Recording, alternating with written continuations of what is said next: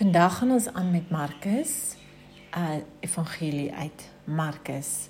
En ons lees Markus 1 vers 40 tot 45.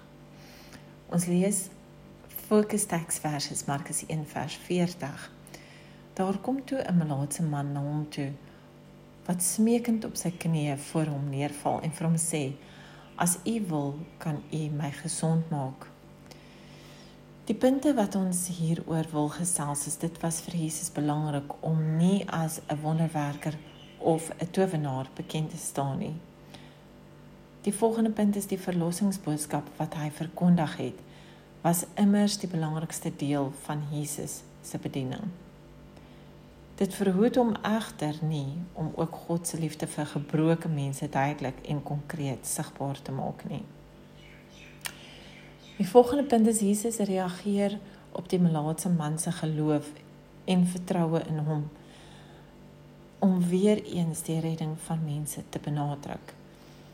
En die laaste punt is die melaatse word liggaamlik in die liggaam, sosiaal in die siel en geestelik in die gees genees en vind dit om daardie rede moeilik om stil te bly oor wat met hom gebeur het.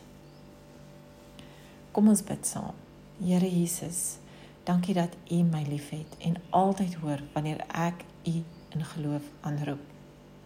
Al verander my omstandighede nie dadelik nie, al verstaan ek nie altyd nie, sal ek U bly vertrou.